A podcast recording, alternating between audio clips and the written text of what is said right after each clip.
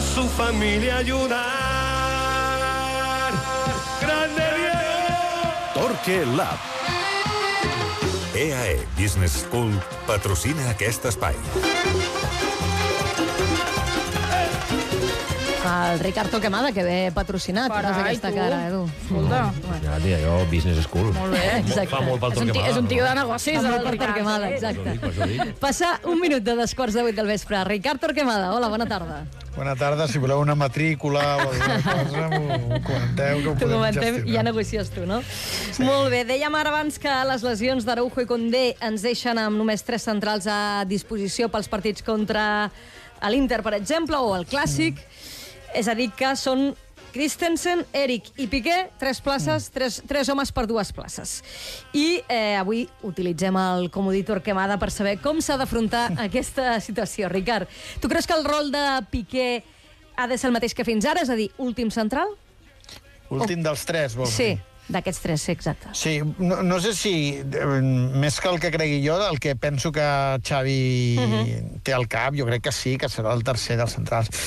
Però saps què penso, Sònia? Que passaran moltes coses. Que estem fent que les lesions ens han fet mirar el Clàssic i els partits dels, de l'Inter i el Bayern, eh, i que serà molt important com gestioni Xavi les càrregues, les rotacions, com arribin Eric i Christensen de, de l'aturada internacional.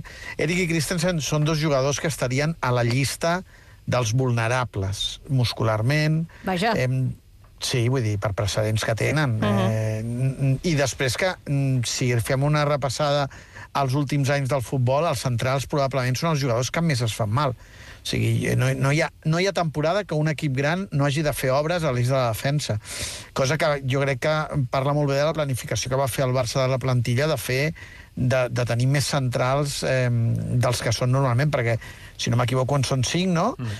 I més el que pugui aportar altres elements com De Jong o Marcos Alonso. I és que des d'aquella temporada dels lligaments encreuats, fa molts anys ja, eh, els centrals eh, és una posició molt, molt vulnerable perquè estan obligats a esforços molt explosius defensivament, en el cas del Barça sobretot, eh? Uh -huh. Altres equips potser no, però equips grans que juguen amb molts metres a l'esquena, que han de sortir jugant des del darrere, és a dir, que, que tenen, dintre de l'univers del central, tenen rols molt, molt diferents i, i, i és difícil que, que els jugadors aguantin tota la temporada sense, sense problemes. Mm, amb això vull dir que, que ja sé que, que tots volem córrer i, i a la vida ens passa això, però jo crec que hi haurà més moviments i per tant és, és important que Xavi ho gestioni bé. Jo crec que Piqué serà titular a Mallorca, si em preguntes per això est- n'estic segur, uh -huh. perquè, per, mm, perquè, perquè crec que Eric eh, té un partit demà important a Portugal. No tinc la sensació que Luis Enrique pensi en fer rotacions, sinó que pensa en intentar ser primer de grup i va amb certes urgències. Em, Christensen, eh, hem de veure com torna de, dels partits contra Dinamarca. És veritat que va jugar ahir, per tant té una setmana de recuperació.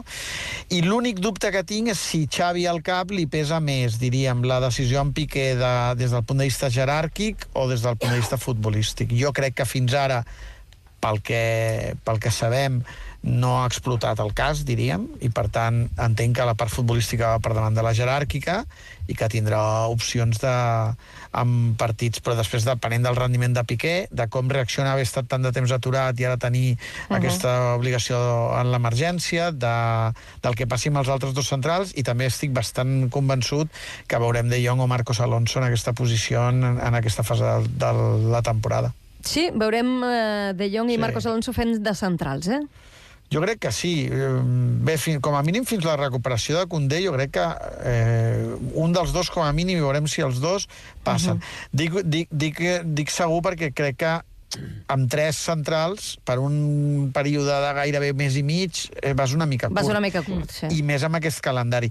I després hi ha l'incògnita Marcos Alonso, que és que, clar, l'hem vist molt poc. L'hem vist uh -huh. un dia, però el vam veure a un nivell defensiu que a mi em va impactar, em va sorprendre. El vaig veure eh, sense, no tenia gaire ritme de competició i, uh -huh. i va aguantar amb un to físic i amb alguns fonaments defensius i conceptes més enllà de, de l'empanada del gol del córner que em van sorprendre contra els jugadors molt difícils, sobretot Sania Camobert el van veure eh, aguantant-lo, contemporitzant, eh, dominant l'escena sense gaire estrès mai, com molt estable, eh, sortint bé el xut en el moment adequat.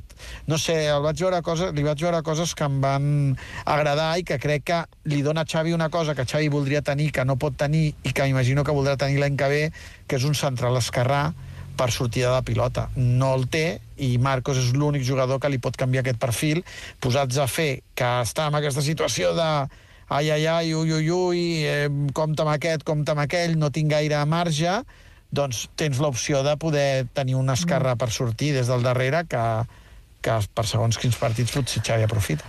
Més enllà dels condicionants que pugui tenir, Xavi, et pregunto per la teva preferència sí. personal, veient sí. eh, els uns i els altres. És evident que tu no pots veure els entrenaments sí. per valorar els estats de forma, però pel que tu sí. et puguis imaginar. Eh? Sí. Eh, la parella que a tu t'agradaria més eh, veure en partits eh, que considerem grans, és a dir, el dia de l'Inter, amb què, en què sortiries tu més tranquil?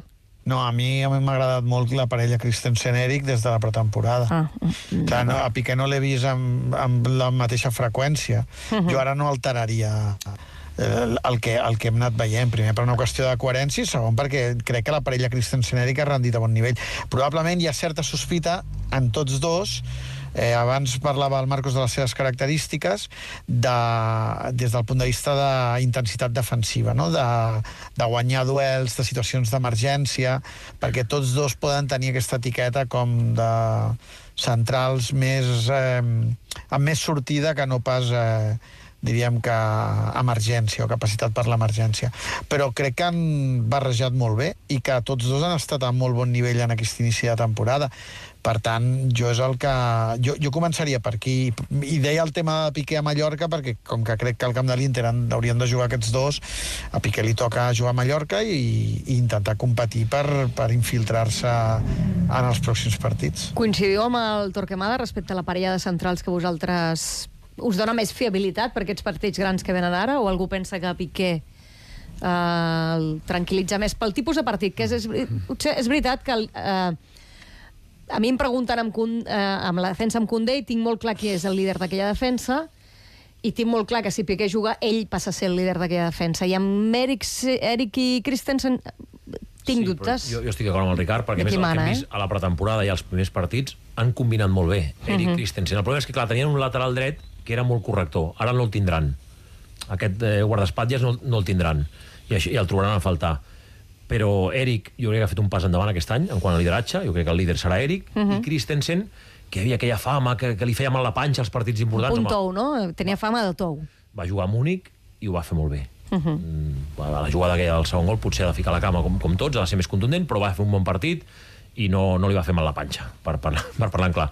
Per tant, jo crec que estan preparats els dos i que hauria de ser la parella, a priori, titular. Però és que són, són ara el deia el Ricard més i mig, Condé torna en 3-4 setmanes, per tant són menys partits on s'han d'alternar els tres, tens opció de Marcos també, tens opció segons quin partit amb un rival de jugar amb defensa de tre amb 3 darrere, Sí, però amb tres darrere no tens sí, però aquí entra tres centrals. Marcos, entra Marcos, mm. perquè seria l'esquerrà. Mm. Llavors, tampoc són tants partits que t'has de combinar. Para mí es, eh, es fundamental que la inserción de Piqué o la reinserción de Piqué en el equipo sea progresiva. porque se le va a poner en el foco eh, de una manera espectacular, porque es inevitable. Ahora mismo es el jugador número 19 que ha utilizado Xavi. O sea, por detrás suyos está eh, Iñaki Peña, Arnautenas, Memphis y Pablo Torre. O sea, imagínate lo poco que lo ha usado Xavi. Si de repente lo pones en Milán, que evidentemente tiene experiencia y tiene calidad y tiene jerarquía para hacerlo, pero por eso creo que poco a poco, y ahí tiene que gestionar los esfuerzos Xavi y también las combinaciones, que tampoco son tantas, porque para empezar, Frenkie y John ahora ya no lo puede utilizar en estos dos próximos partidos, porque está con esta elongación y ese es un problema añadido que tiene, que tiene el entrenador Pero como punto de partida en Milán es evidente que los dos, Eric y Christensen, eh, han sido los que mejor han conectado en el inicio de temporada.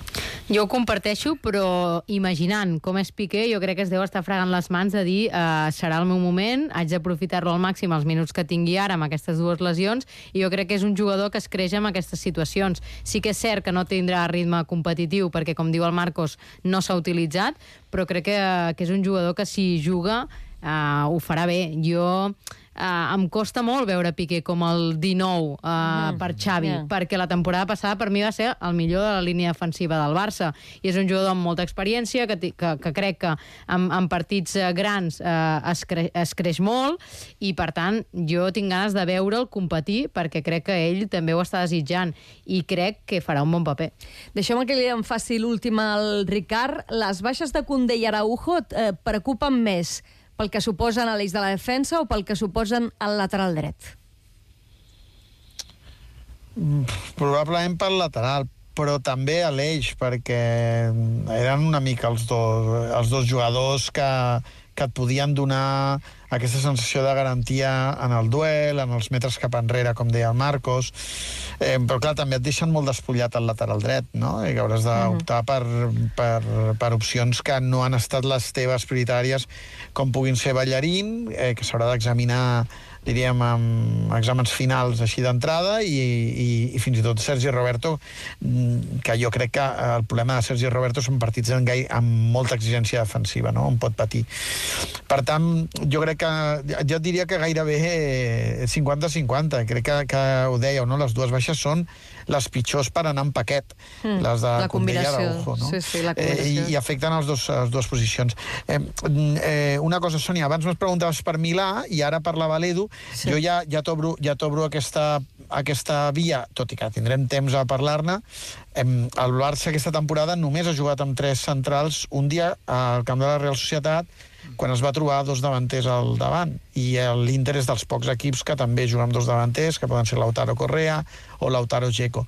Per tant, és veritat que l'Inter no juga amb quatre migcampistes com la Real, però sí que tu pots tenir 3 contra 2 si jugues amb tres centrals. I jo crec que ja tindrem temps per parlar-ne, però és una opció tàctica molt, molt probable eh, sobretot el primer partit, després depenent com vagi veurem el segon, però depenent del primer jo el veig molt, molt possible, perquè veig difícil que Xavi jugui amb tres centrals contra equips que juguin eh, amb un davanter i dues bandes, siguin dues bandes més eh, profundes o menys profundes.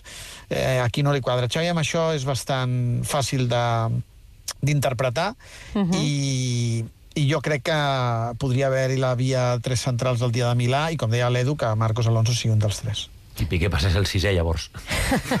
Exacte.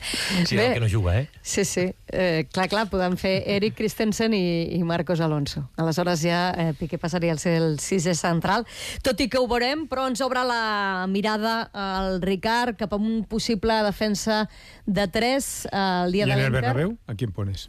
Clar, no, el Bernabéu ja no tens l'antivinícius i pot ser un autèntic drama, però ja, ja hi arribarem. Ja, Estic d'acord amb això, a Ricard. partit, com el Xolo, no? Sí, sí, perquè, perquè vés a saber qui tens Pero- disponible el dia del pero- Bernabéu. Bueno, pero si están todos los que están ahora, yo en el Bernabéu ponía Piqué. La Sònia també. Mm, jo també, sí, sí. Ja, ja m'ho has vist per les preguntes, no? Home, no, però et conec, has et intuït, m'ho has conec, intuït, et m'ho has intuït. Sí, et sí.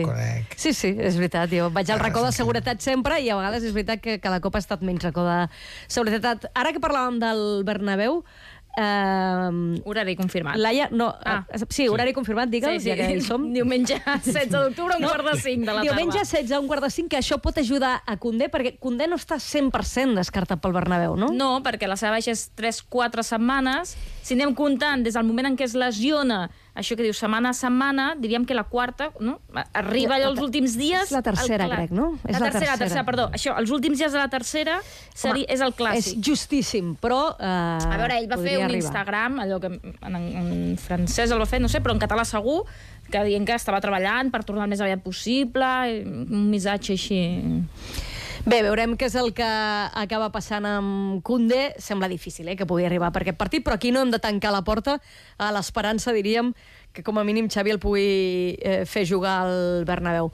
Ricard, gràcies. A tu, a vosaltres, adeu.